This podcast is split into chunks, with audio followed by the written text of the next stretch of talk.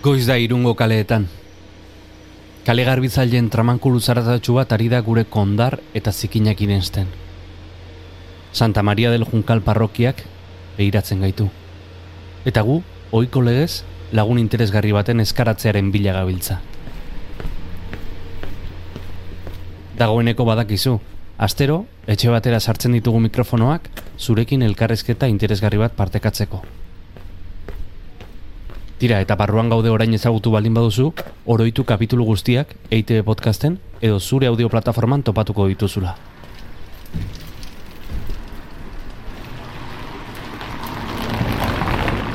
Gaurkoan musikari, idazle eta artista irundar baten etxean sartuko gara. Eta berean naia, dagoeneko, elkarrezketatu dugu hemen. Aupa Javier, egunon. Apa, Javier.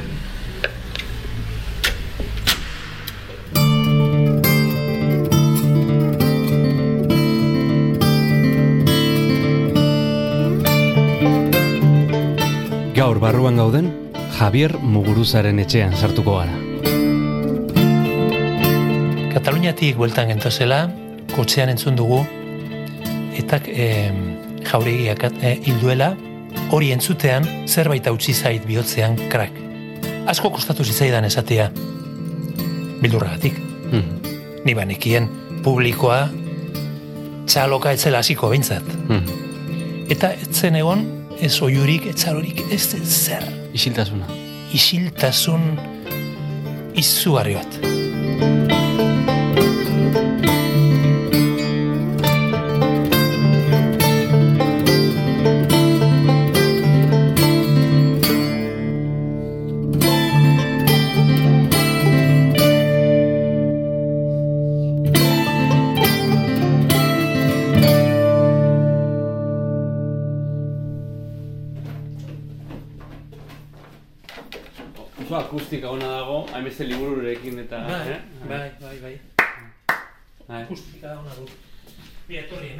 Urbanizazioa ikutsiko dizu.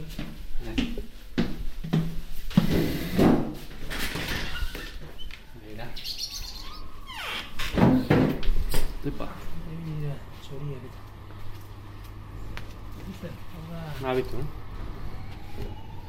sari bat eta guzti eman zioten, eh, plazari eta organizazioari eta Europa ez dakiz. Oh, polita da, eh?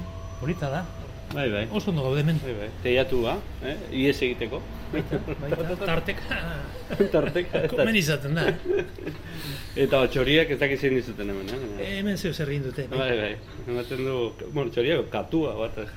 Terrazatik osteratxo bat egin eta saloian sartu gara. Egurrezko karakola eskilara bat du, ertz batera, Gauean, orduro bi aldiz. inigo muguruzaren erretratua paretan. Eta azpian, piano eder bat. A ver, no, no, ze soinu bat atzen duen, zure eskuekin, honek. Afinatuta. Berdin, berdina.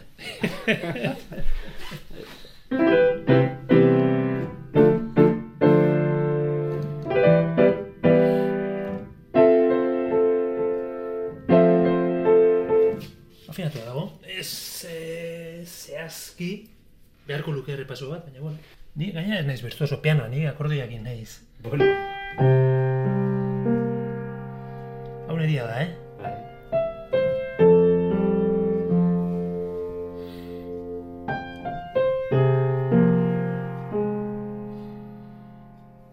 Egongelako maiaren gainean, akordeoiaren kutsa beltza jarri dugu mikrofonoak ahoaren alturan jartzeko. Eta elkarrezketarekin hasi gara. Ze ona, eh? Maletan gainean egitea hori, Badu, eh? badu, badu. Nik da, ointxe... Ez dut uste, holako erabilerarik izan duenik, ezta? maleta honek. Ba, Bernardorekin, e, bere apunten gainean, jarri behar izan genuen genituen mikrofonoak, ez zeukalako lekurik.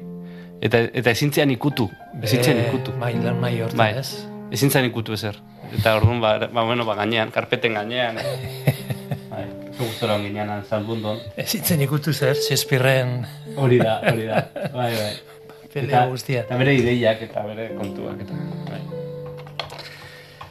Bueno, eh, Javier, eh, ze koordenadatan zaude? Hori jakin nahiko nuke azteko. Eh? E, Lehengoan elkarrizketa batean esan nuen e, disko berria aurkeztu genuenean. Esan nuen nolabaiteko... Bueno, beste leku batean nengola, ez? E, alako exilio batean edo. Eta azken finean da, bueno, modu bat adierazteko beste etapa batean sentitzen naizela profesionalki, ez profesionalki bakarrik, baina gehien bat lanari dagokionez, ezta? Mhm. E, zertan da zen? Ba, etapa berri hortan, mm, zuzenekotik desente urrutiago ikusten dut, nire burua, faranduratik, eta urte luzetan aritu naiz hortan, eta bada neke puntu bat, eta gero gauzak asko aldatu dira, Hmm. eta azken bi urteotan e, bueno, nire bizitzan ere gauza potentea gertatu dira horre kokteleran sartu dena eta bueno, hortik eh, erabakia edo, ez? Joango gara ikusten, baina momentu hontan ikusten dudana da aur musikan beti mugitu naiz gustora, aur literaturan ere bai, eta irusten zait e, momentua ba, hortan zentratzeko eta zaiak ere egiteko, ose, haien iz ikusten ez dela garai bateko. Hmm. Gauza bat zen, laro goita behatzen ateratzea jaja, eta izan zen, bueno, larketa bat, eta hoain ateratzen duzu disko bat, eta, bueno, txokotxo bat egiteko da, buah, Zaila da jendearen gana heltzea, ez da? uf, ze zaila. Askotan, e, bueno, Imanol Epelde zarauztarrak e, esaten zuen bere bideo egiteako batean, nun zaudete, sortxero mila euskaldunak, ez? nun eskutatuta. Mhm. Oso ondo lertzen dut. Komentarioa. ba, ni pensatzen nun, bueno, hasi nintzen ikusten ja e, atxakin herriaren iztegia argitartu genuenean, ez? Mhm. Hasi nintzen ikusten, zuen, ostras, Atxaga eta biok atera dugu, e, disko harriaren iztegia, atxaga propio idatzetako poematxoak, nire musikak, e, banda potente bat eta bar, eta ez du sumatu interes handirik, ez? Zure lagun horren hildotik, ez? Hmm. Eta harridura puntxu bat ere bai, eta oaingoan ja konfirmazioa iaz, egia da oso garai arraroan gaudela, ez? Baina konfirmazioa, nolabiteko konfirmazioa, en fin, saiatu beharko dela desiente, pixkat ezagutarazteko eta zabaltzeko eta gure lana, ez? Be, Oain perretxiko garaian gaudela, e, indaiteke horrekin e, ze alderaketa bat, ez? Perretxiko oso onak egiten dira euskaraz, baina ez dakit inor bila joaten den, ez? Basoko koordenada eta galdu Bai. horietara. Bai, batzu jaten dira, baina ez dakit, eh? hainbeste dien. Ez dakit. Bai, maite korra Gure poa, ai, gure poa Konstriktorra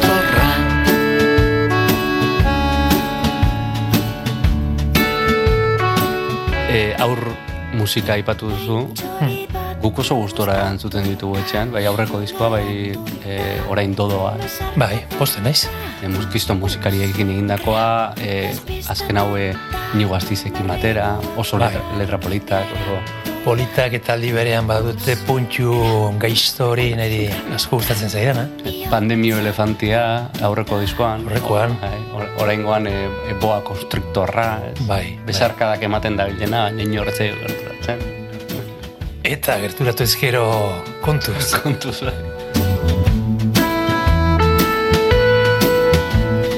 Bai, maite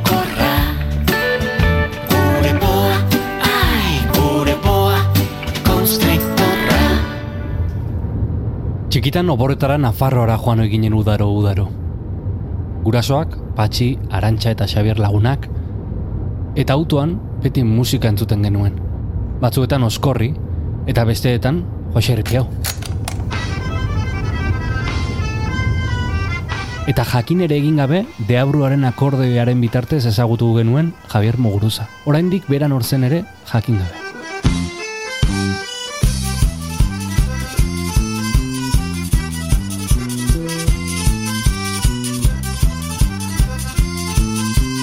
Jose Ripiau gehien bat izan zen inigo anaiaren proiektua, baina, bueno, hasiera hasieratik hor egon ginen, Sergio Tabiok, gero hasier ere, apuntatu zen edo fitxatu genuen, eta horixe izan zen, baina nik uste dut horri inigoren espiritua zegoela bete-betean, ez? Bere mundu berezi hori, e, fantastiko xamarra, fantastiko zen du fantasiakoa, e, bueno, e, omenaldi egin zenean kafean zokian nik aipatu nun, in, ez dakit zehazki hitzezitz, nola esan nuen, baina inigo ez mundu ontakoa, ez? Inigo Muguruza ezagutu nahi baduzu, garbi eduki ez zela pertsona arrunta. Batzuek zioten fikziozko pertsonaia zela. Beste batzuek ez zela mundu ontakoa. Ezin da ukatu logika propioa zeukala. Baina ze gauza?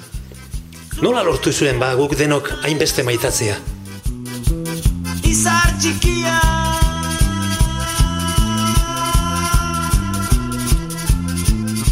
oso tipo berezia zen, inigo, eta nik uste dut hor Jose Ripiaun islatuak gelditu zela bere espiritu hori, ez?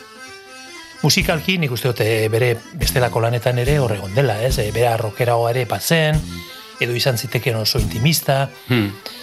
Baina Jose Ripiaun nik uste dut hor eh, gozatu ederrak hartzen zituela nik uste.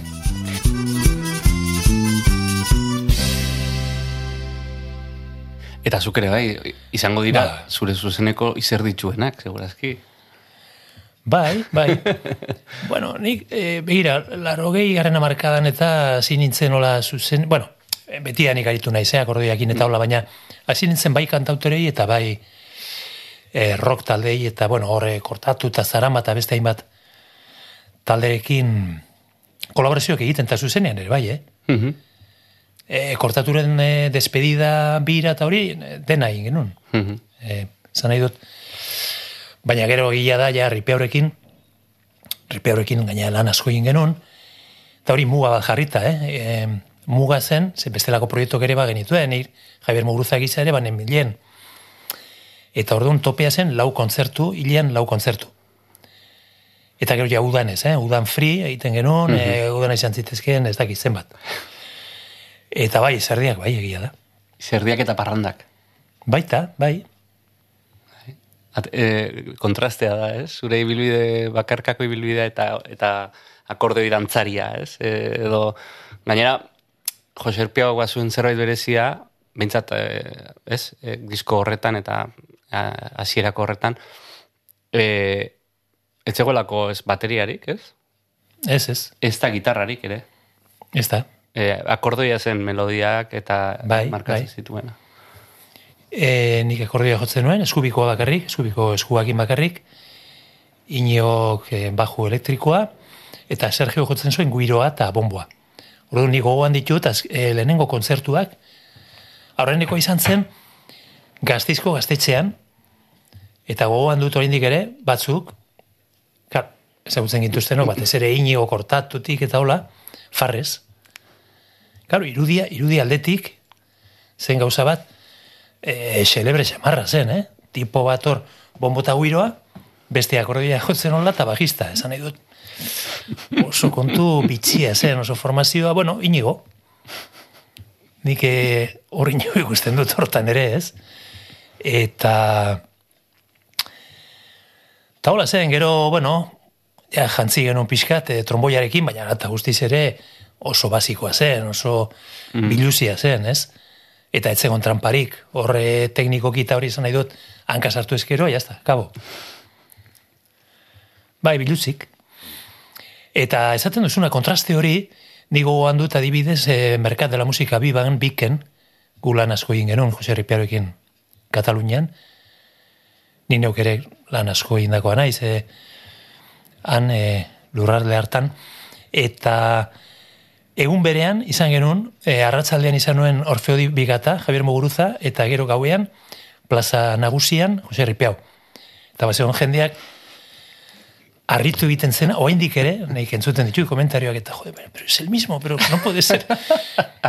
eta, bueno, baina bai, pertsona bera nintzen, eta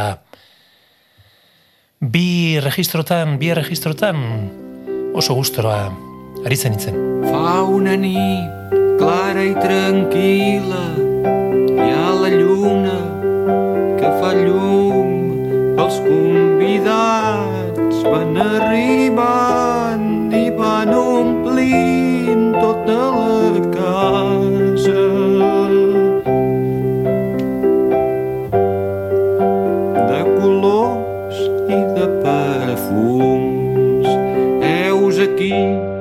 Sisa bakarlariaren qualsevol nit pot sortir el sol abestia entzuten dugun bitartean, muguruza anaien iraganera joko dugu.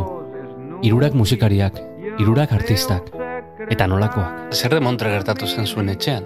Zergatik, hori nola sortzen da? Ezin da izan kasualitatea. Ezin da, ezin da izan kasualitatea, baina mila aldiz e, galdetu digute, banan-banan e, hartuta eta, bueno, eta zer gertatu zen etxean, eta horita nik, nik uste ez dakigula. Saiatu izan gara, eh? E, erantzun batzuk asmatzen, e, bai, erdi fabulatzen, goatzen nahi zinegok. Behin nola esan zuen, bueno, egiatik ere bat zuen, eh? Ba, gure birratxona soinua jotzen zuela, eta orduan hemengo bileratan, eibarlan irunen eta hola jotzen zuela.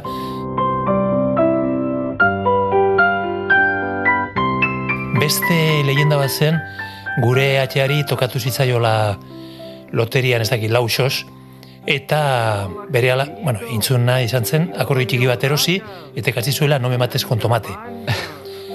Kantu bakarra, ikasi zuen, no me mates con tomate, matame con bakalau. Eta, bueno, beti bili gara hor eh, erdi brometan eta hola historioak asmatzen, baina zaila da jakitea, zaila da, nik ez, nik ez dakit. Egia da amak margotu egiten zuela, eta batez ere azkenek urtetan eta erakutsiko dizut, gainera nik uste Bai. horita dela. Karri, bai. Javier elkarrizketatik altxa eginda eta amaren oroigarri bat ekarri digu.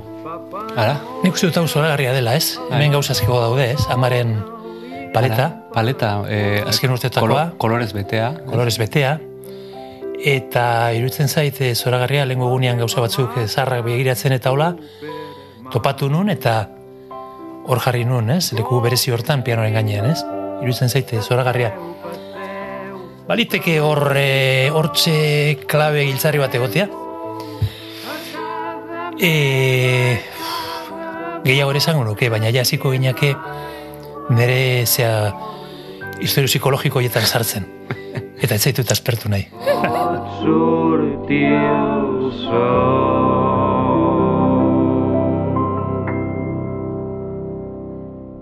Eta nola oroitzen duzu gaztaroa? E, bueno, gaztaroa eta zu anaietan zarrena zara, beraz, best, Bai. besteak ere e, azten ikusi dituzu, ez? Bai, E, bai. no- nola oroitzen duzu e, garaiura?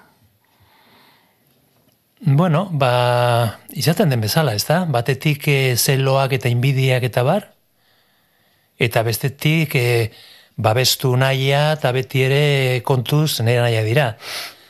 Gaina undia nintzen. Esan nahi dut tamaina ze Bai. beti danik izan naiz. Eta anaia ez, ez ukitu, eh? Bai. Bueno, nik uste oso naturala dela hori, ez? E, gogoan dut e, lapitze auzoan, hemen irunen, gu irunen jaio gara, eta lapitze auzoan, auzoan ordu pila bat ematen genituen, Naiz eta ni ja bost urtetik hasi hor ikusten duzunak hori txiki horrekin, txuri horrekin, horrekin hasi nintzen bost urtekin, eta beti ja zazpi urtekin egon ja Holandan jotzen zan dut beti Bai. izan dut hori, baina Virtuosoa zinen. Bazinen. Mm, Bai, bai, igual hortin ere reakzio hori ez, gero musika inbeste, beti saiatu naiz eta musikariekin, ez, Aspiros eta Garcez eta beti, eh, tx, hori, eh, hori zait interesatzen, hori ja virtuosismo ikusten dut. Hmm. Igual horti dator, ez, reakzio gisa, gero bueltak ematnez. Kontua da, lortzen nula, gero banituen beste ze batzuk, eh? musika kide batzuk eta horregoten zirenak orduak eta orduak, baina nik e, ordu pila bat eman ditut lapitze auzoan eta nahiak eta e, jolasten. Jolasian auzoan. E, futbolean eta, bueno, mila, Hmm. ez futbolean bakarrik, eh? Esan nahi dizut hori dela nire horitzapenik e, ederrena. Gero ja ikasketak eta lasailen eta, bueno, e, iruro gehien jaioa naiz, orduan oraindikan e, azken frankismoa, gara ilun xamarra zen. E, frankismoa, Eliza, fraileak, e, ez daukate horitzapen idilikorik. Eta nola aldatu diren garaiak ere, ez? E, orduan, bueno, zuek ezagutu zenuten frankismotik, ez? E, asko aipatzen den transizio hori, ez? Eta, eta Euskal Herria ere bazen nolako e, lapiko politiko bat. E, Bai. Eta gero, bueno, ba, e, Euskal Gauza Euskal Gatazka hori, ez? Dana zipristindu duena, ez? E, hor, e, ala beharrez kokatu behar zinen, ez? Bai, bai. Ni maila hortan beti izan naiz nahiko epela kakotzen artean, ez? Epela, bueno, batzuek eh, semeak eta brometan esango luken bezala, epela. Esan nahi dute transizioa esaten denean, eta ba, transizioa denak ez handi bat izan zen, eta nien nago ados, adibidez. Idealizatu gabe, eh, transizioa, ikusten ditu talde txarrak, onak, nik uste dute aldaketa batzuk egon zirela, eta oso potenteak, ez dut dudarik, hortan. Eta behar bada, neurri batean eskuetatik joan zitzaielako, eh? ez dut esan nahi hori, zen, hori zenik borondatea e, transizioa egin zutenena, baina gero aldaketa potente batzuk egon zirela, nik ez dut inongo zalantzarik.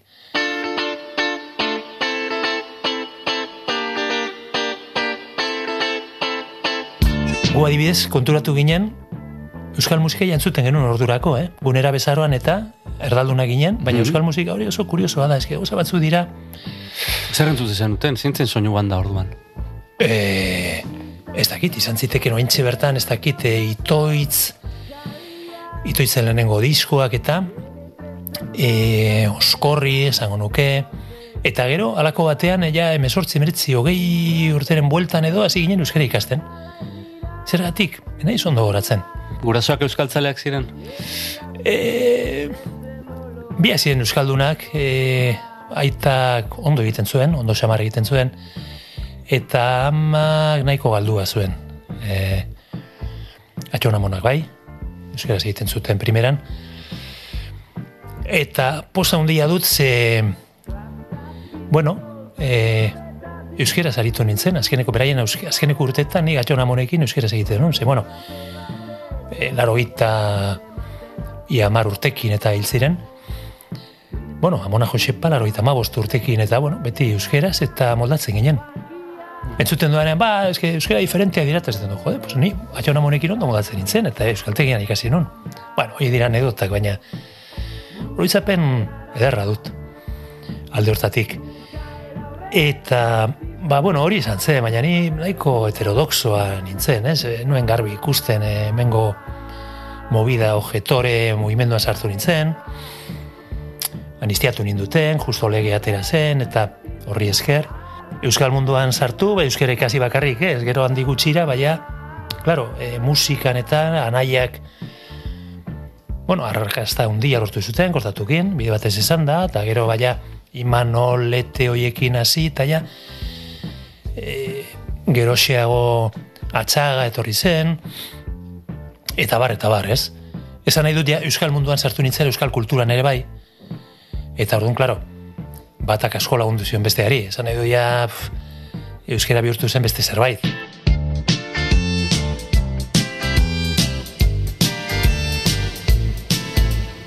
Eta bitartean bere bian haiek, Ferminek eta Inigok, historia egin zuten kortatu taldearekin, euskal musikak ezagutu duen garairiko paroenetako batean.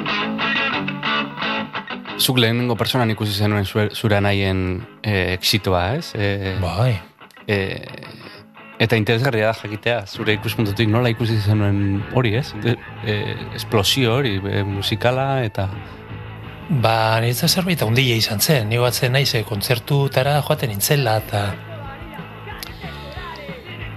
kontzertu batzuetara ez hemen inguruan bakarrik, eh? esaten nintzen, eh, ni fan handia izan nintzen.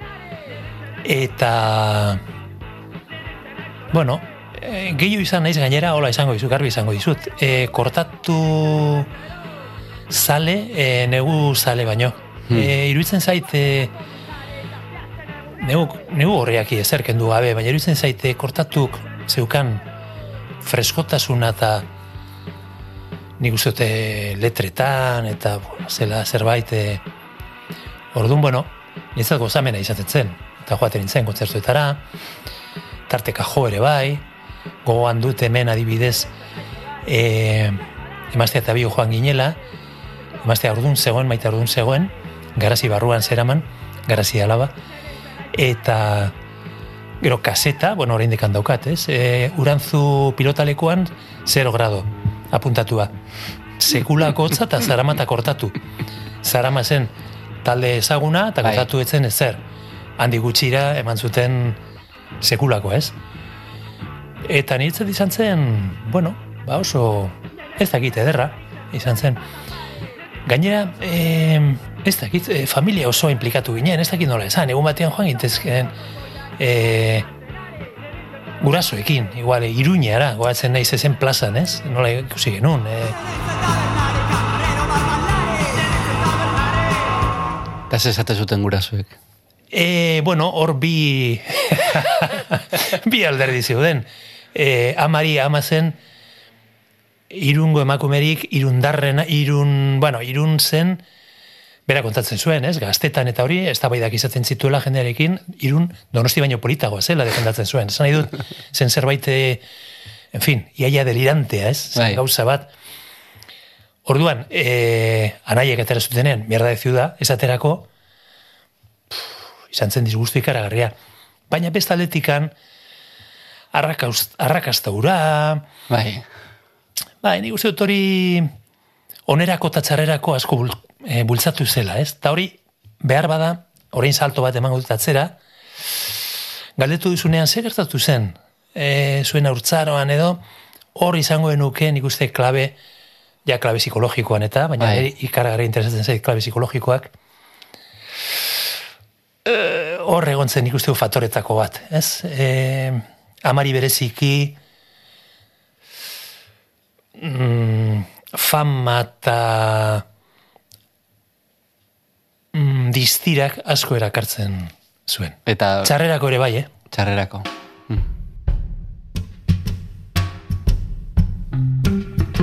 Laro bigarren amarkada eta musika esena ezinbestean lotzen ditugu droga konsumoarekin. Eta ez da jende asko honik atera ordutik. Bai, ni beti izan dut, bueno, hau ez da nire meritua, eh? baina e, edan egiten nuen, baina edaten nituen e, ze alkohol suabeak. Hmm. Ez da nire meritu- meritua esan nahi dut, e, gozatzen ez dudalako, oraindik ere, gaur egun ere koparik eta Hmm. ez dut kombinaturik ez koparik ez ezer hartzen, ez? Ni naiz Garagardo zalea. garagardoa, e, ardoa, zagardoa. E, eta nik uste horri esker, eta, bueno, ez dakit, igual meritu pixkateri izan ez dakit, ez dakit. Kontua da, e, giro horretan ibilita, eta Jose Arrepiarekin pentsa, zenbat kontzertu eta zenbat hemendik kanpo, eta bukatu, eta gero, e, ba ez dakit txosnetan, edo jarri edo zein, bueno, giro hortan, Hmm. eta, bueno, ba, libratu nintzen, ez? Esan nahi dute, alkohol suabe hoiekin eh, oso ondo sentitzen nintzen. Baina, bueno, arriskuak bat zeuden bai, eta eta gauza asko ikusi nituen, jakina. Ferminekin egin genuen e, barruan gaude, eta aipatu zigun The Clash, ez? E, eta esango nuke zure, zuretzat ere talde oso garrantzitsua izan zela. Bai, ezain beste, eh? baina esan nahi dut, eh, nik uste dut Ferminentzat izan zela talde funtsesko esango nuke, ez? Eta nire kasuan izan zen, bueno, gustoko talde bat beste hainbat bezala, ez? Hmm. E, hitz egin dugu inigoren inguruan, Bai, Ni berarekin koinziditu nuen parat alditan, parat kontzertutan. E, eta pena ikaragarria daukat ezin dudala egin e, elkarrizketa bera berarekin, ez? Oso, bueno, oso persona e, interesgarria zen. E, definitu duzuzuk, e, inigo, Fermin nola definituko zenuke? Bueno, eh, ba, ze esango nizuke, da pertsona bat gaitasuna handia daukana, eh, lanerako eta nik uste oso gauza ederrak egin dituela, oaintxe bertan etortzen zait zenbat polizia, Bazter guztietan, eh, esate bateako, hain txetorri zaidana, eh, bote Mhm. prontoan, eta horri kaso egin bartzaio baiakizu. Kantu eder bat, beste askoren artean, ez? E, esan dizut, kortatutik e, asko aukeratuko no, nituzke. Uste dut izan duela hori ere, ze askotan aipatzen denean gaitasuna eta indar hori, eta nik uste dut pixkat, erabiltzen dela bazter usteko bere balore artistikoak, ez? Balore artistiko horiek, eta nik uste dut badituela, eta eta importantean, importanteak. E, lanaren inguruan ni identifikatuago sentitu nintzen e, lehenengo etaparekin, Mhm. iruditzen zaidan leno ere esan dizut, freskoagoa, libreagoa, gero ikusten dut pixkaia lerratuagoa, ja ideologia eta nik uste dut hartzen duela pixu handi bat, eskubide guztiarekin, jakina hori da bere bidea eta hori errespetagarria da. Baina ni hor ja e, aldentzen joaten naiz edo ja urrutiago sentitzen naiz. Mezu hoietatik, ezta? Baina, bueno, ez esango dut, e, nik uste dut bide ikaragarri egin duela, hortxe jarraitzen du, eta ze gehiago esan, ez dakit.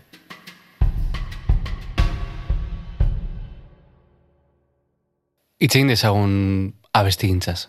Zu abestigile oso paroa zara, disko asko eta e, eta, bueno, trajektoria oso e, luzea, bueno, esan duzu etxau berria dela, akaso zure disko hau, azken hau ere berria da orduan, ze hogeita ma piku urte e, e, ba, musikan zabiltzala, Bai. eta hogeita mar urte etxe hau, ez? E, Bai, egia da. E, baina bai, hitz egin dezagun kanta egintzaz, bada ofizio bat, bada afizio bat askorentzat, ez dena tornilloak egitea bezala, ezta? E, euki behar da momentua, lekua, e, aldartea, abesti bat egiteko. Nik e, sinistu nahi dut e, batzuek badugula horre, bueno, ez dakit, e, joera bat edo euskalo, behar bada zerbait gauza, zenbait gauza sufritu ditugulako, ez dakit, ez? E, badugula gaitasun bat pentsatu nahi dut nik. Badagola zerbait magikoa. Gero jakina dago lana, dedikazioa, egunero jarri behar duzu, saiatu eta, eta bar, eta bar, baina nik uste dut ez dakit, igual pixka fuertea da, eh, hola esatea, baina nik uste dut eh, talento esaten zaiona edo badagola eh, Neurgaitza den zerbait. nik uste baietz. Nik uste baietz. Duendea. Esaten dute. Duendea, nire lagun batzuek duende dituko horiokete. Ez da, egit, pentsatu nahi dute uste dut baietz, badagola hor zerbait, ez? Eta sinistu nahi nuke nik badudala puntu neurritxo batean, behintzat hori badaukadula, badaukadala, ez? Nik orain baditut ez, ez alaba bakarrik biloak ere bai. Eta batzutan ateatzen da gaia eta jode, musika gustatzen zaie eta ikaragarri eta jode, badute joera eta pesatzen dut, joder, horror. A ber, e, musika zoragarria da, baina ez dezatela pentsa bain, dedikatuko direla, iruditzen zait gauza bat ja, modu profesionalean gero eta zailago ikusten dut e, dedikatzea ofiziontara, ez? Oso ofizio ederra da, eta niri asko gauza asko eman dizkit, hemen eta hemendik kanpo. Igual hemendik kanpo gehiago eman, hemen baino. Baina, bueno, ez gaitezen sartu terreno irristak horretan.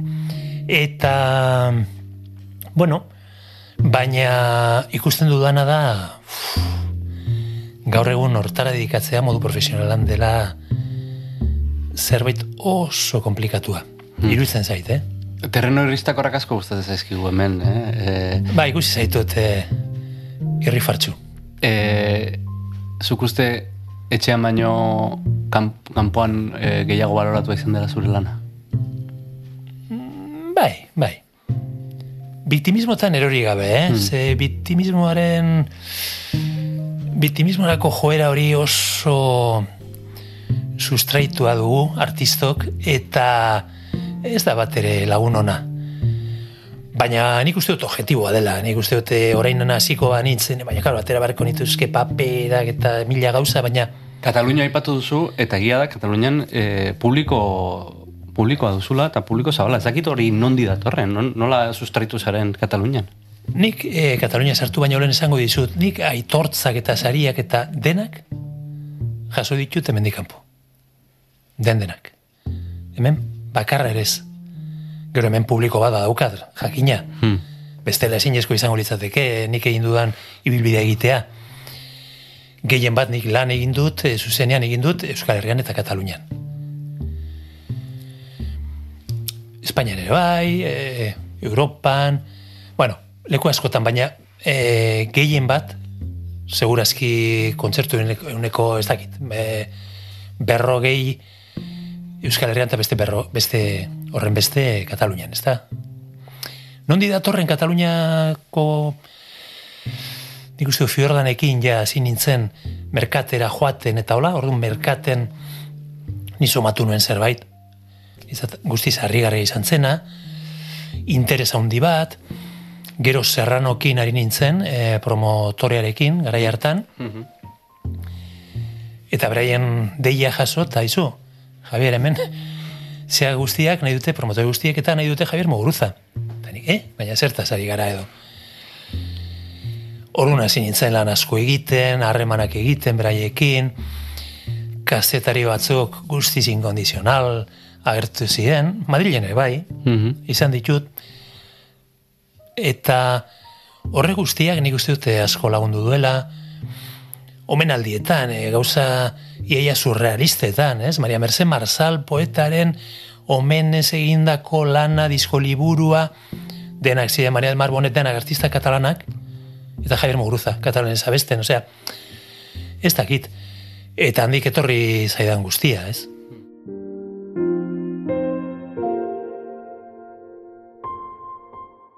Bakarkako ibilbideaz gain, hainbat musikarirekin jo izan du akordoia. Besteak beste, Imanol Lartzabalekin. E,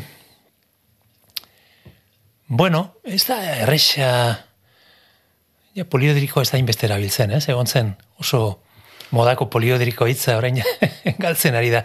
Nik uste oso pertsona poliodrikoa zela, ez? E, Arkaizkanokin bildu nintzenean, bera ari zen liburua idazten eta prestatzen, apuntea hartzen eta zenbait bilera izan zitun. Fakiraren ahotsa. Fakiraren ahotsa eta orduan elkartu ginenean, bestela ere elkartzen gara, baina Imanoli buruz hitz egiteko pff, luze aritu ginen, baina gelitu nintzen sentsazio gazi gozo batekin, ez? Ez, ez dakite bete betean asmatu nun zaila, bueno, hori ezin da edozein pertsonakin, eh? baina esan nahi dut Imanolekin bereziki, ez? Adibidez, eh, ez dakit, lehen hitz egin dugu, ez? Euskal gauza eta bueno, ba, ni Manolen gandik urbil xamar senti ninteken e, eta kritikatzen zuenean, Hmm. baina gero hartu zuen bidea, ja, basta ja eta barren horre bueltan inguratuz eta ja, nien nintzen bat identifikatua sentitzen, ez? Hmm. Esan nahi dut, zaila dela, hori zerbait oso konkreto ipatzeagatik, ez? Baina gero pertsonaia ere, bueno, nik uste dut, e, ni pena handi hartu nuen, ez? Ikusi nuenean, ba, hemen ez hitzaiola kasu hondirik egiten, ja, etapa batean, ez? Boikota eta dana egin. Boikota eta hori guztia, Bai. nek bezitu non, ez? E, Manolekin e, kontzertuan, e, herri batean, hemen dikurbil, eta neri esan zidaten, naizu, e, abizatu, Imanoli zaki zer, zer, batzu boikoteatu nahi duten, etza gauza tristeak izan ziren. Eta gogorrak izango ziren, ez? Gogorrak ere bai, eta beak e, sufritu egin zuen. Nik uste dute artistikoki oso tipo interesgarri izan zela, oso beti ahotsa aipatzen da, eta egia da, ez, ahotsa ikarragarria zeukan, baina hortaz aparte nik uste dute ausarta izan zela, ja hasierako garaietan jazz musikari oso interesgarriekin, aritu zen, inguratu zen oso jende interesgarriaz, eta kanta ederra komposatu zituen ere bai, nik, e, bueno, e, dena zitzaidan gustatzen, baina nahiago dut horrekin gelditu. Berriz, eh, atera zaigu, ez? Euskal gauza. Eh, Bai. Eh, Esan liteke egon zarela etaren bandoan etaren aurka? Bada modu bat esateko. Etaren bandoan nien naiz egon. Egon naiz, e, euskaltzale izan naiz, e, edo naiz, eskerti hartzat ere hartzen dut nere burua, naiz eta eskerraren infantilismoa askotan e, ez dakit nola esan, e, zutan jartzen hauen, edo deprimitu egiten hauen, Zer esan nahi du infantilismoak? Oh, nik uste dute pertsonak egin behar duela pixkat heldu, pixkate giza kondizioan sakondu ezagutu, jakin zer garen, asko dakigu nahi izan eskero, asko gaur egun sekulako jakinduria dago horren inguruan, ez? Lehengoan prentza horren esaten nuen, adibidez, aurtzaroaren inguruan, ez dugula zer jakin, nahi. Ari gutxiago gure aurtzaroaz. Ba, nahi saiatzen naiz, jakiten eta asko interesatzen zait. Eta alderaketa egin nuen, konparaketa egin nuen aldaketa klimatikorekin, ez? Ba, eh, baina jakin badakigu. Eroaren egiten dugu, baina jakin badakigu, osea, pikutara goazela. Hmm. Orduan, e, ba, askotan ikusten ditut, oso jokabide infantilak, oso jupi jupi juju juju. Eta nien ez estilo horretakoa, ez? Ez dakit nola esan. Baina esaten nahi nintzena, etaren al- e, bandoan naiz egon. E, kritiko esan naiz, ez? Oain maixabel ikusi dugu, Mhm. nik e, hau ez dut baineren aipatu, baina orain aipatuko dizut. Egun hartan, gaina oso polita da, ze lotuko dugu Kataluniakin eta Jose Herripearekin. no? Kataluniatik buelta, gentozen, furgonetan, Jose Herripearekin, eta Javier Muguruza neukan, arratsaldean Zintzarri Festivala Zugarra Murdin. Mhm. Paraje zoragarri hartan, badakizu, Bai. kobazulutan. Eta mazizio keita den bel eskaini baino lehen esan nuen. Kataluniatik bueltan gentozela, kotxean entzun dugu, eta e, jauregiak e, hilduela, hori entzutean zerbait utzi zait bihotzean krak. Asko kostatu zitzaidan esatea, bildurragatik. Mhm. Ni banekien publikoa txaloka etzela hasiko behintzat. Mhm. Eta etzen egon, ez oiurik, etxalorik, ez zer. Isiltasuna. Isiltasun izugarri bat. Han egon zirenak batzuek goratzen dira. Eta oraindik ere aipatzen diate, ez? Izan zen fuertea. Baina nien nahi zibili, e, ez dakit ondo egina edo gaizki, eh? baina nien nahi zibili adibidez e, kritiko esan naiz, hasieratik, baina gero ez dut egokia ikusi e, zenbait jenderekin edo erakunderekin edo elkarterekin e, aritzea, ulertzen. Ordu nahiko, en fin, por libre, ibili naiz.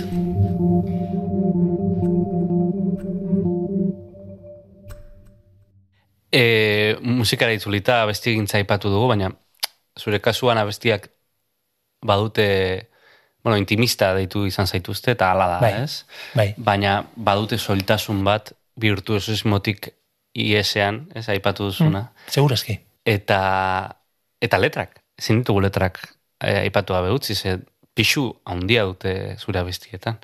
E, poesiak, naiz eta iruzurtia den batzuetan. Bai, ala esaten nun, ez? Oinederraren poema batean, oinarritu ala esaten nun, bai. Ala beste nuen. E, hor bi bide izan ditut, e, hiru ere bai. Batetik e, bide nagusia segurazki, izan da beste poeta idazle lagun hoien testuak hartu, edo eskatu, edo dena delakoa. Geo nire testuak ere, idatzi izan ditut, eta liburutatik ere hartutako poemak eta Hemen dauzkagu begira, hemen dauzkagu liburu asko begira. Bai, bai, bai, bai, Gure publikoa da gaur. ba, bai. Eta hoiek izan dira, ez bai, ni beti abiatu izan naiz e, testutik. Beste lankide batzuek ez, musikatik. Bueno, lan egiteko modu ezberdina dira.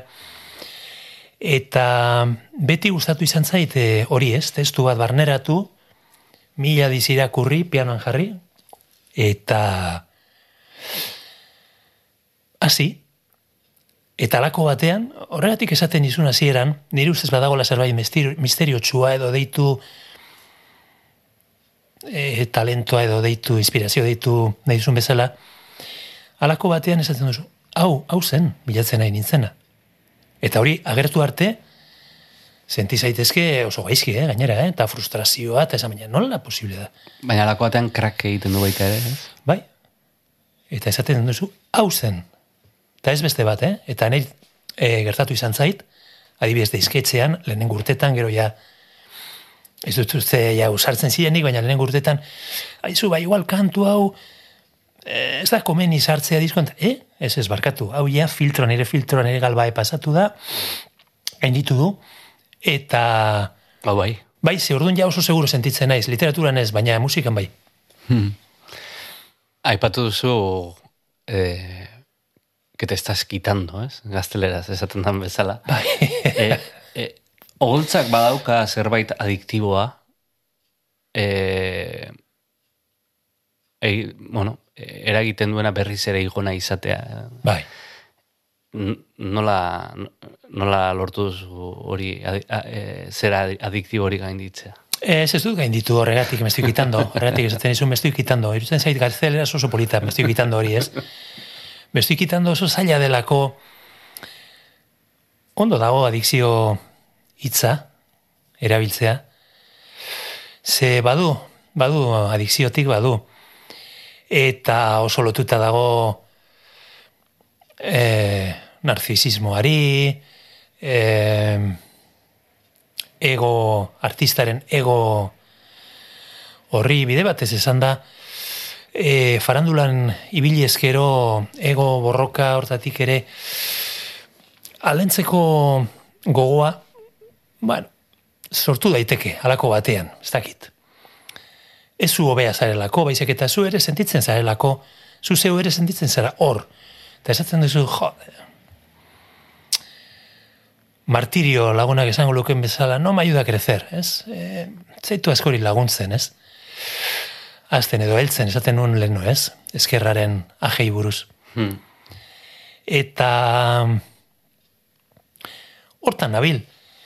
Neri karrera artistikoa eta, bueno, bai, asola zait, baina gehiago asola zait e, karrera pertsonala. Ibilbide pertsonala. Ah, Guain aitita lanak, aitona lanak, egitea ere. Bai, baita. E, segurazki horrek ere izan du, eh? Bere garrantzia, bere eragina, ze berriz ere ari zara hor bizitzen eta ikusten gauza asko, ez? Observatzaile baldin bazara bintzat e, gauza asko ikusten dira. Zeuk ere ikusiko dituzu, seguro, etxean. Eta horrek gogora ekartzen dizu, e, bizi izan dakoa, eta zuk egin dakoa, eta mila kontu. Eta hori nintza da apasionantea. Elkarrezketa maitzeko eskatu nahi nizun, liburuti ontatik e, poema gogoan garri bat hartzea. Benetan e, zuri markatu zaituena, edo benetan gustatu zaizu poema bat, eta horrekin amaituko dugu. E, hori irakurriaz. Bueno, ba, pareta horri begira jartzen naiz, eta irutzen zait ezinezkoa. Baina beste pareta honi begira jarri eskero, Ai? hemen dugu Mazizio Kita Denbele ilustrazioaren originala, zumetak Ara, egina, ez da? Orduan nik esango nuke e, ilustrazio eder hortan eta poema hortan dagola beste kantu asko egon dira, eta gainera, bueno, inakira uste dute bereziki aipatu beharko nukela, eta baina egia da poema horrek eta egin gero ora egin genuen kantua eta izan duen proiekzioa eta asko eman digula, ez? Bestela, bueno, alperrik hasiko nitzake hemen orain liburuak eta gainera eroriko litzeuke akaso, eh? Claro, eta goiando, eta esan nahi dut ezin, ezin poema bat e, aukeratu, ez? Baina behar bada e, apurotik ateatzeko, ez? Beste pareta bat aintzat hartu eta mazizi... hemen alboan daukagu. Bai, ez alda ederra, ez? E, Oso zumetaren... ederra, Bai. Oso ederra. Eskuzabala zen e, zumeta eta oparitu egin originala. Egira. gauza hoiek ere kontatu behar dira. Javier, eskerrik asko etxekoateak zautzatik, Bueno, placer bat, nahi duzutenean, etorri, bezarka dat. beste basuri.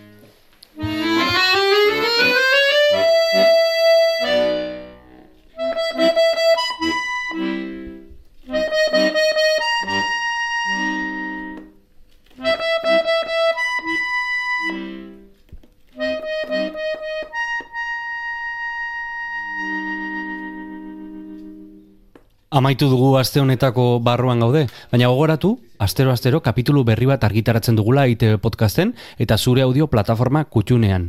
Orain arte egin espalin baduzu, hartu tartetxo bat eta arpidetu, asko laguntzen baikaitu horrek. Gainera, gogoratu Twitterren ere jarraitu gaitzakezula, abildua barruan gaude kontuan.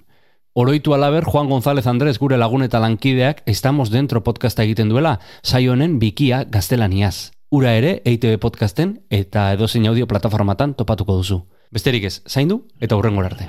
Ei, txt, entzun hori. Ulu Media.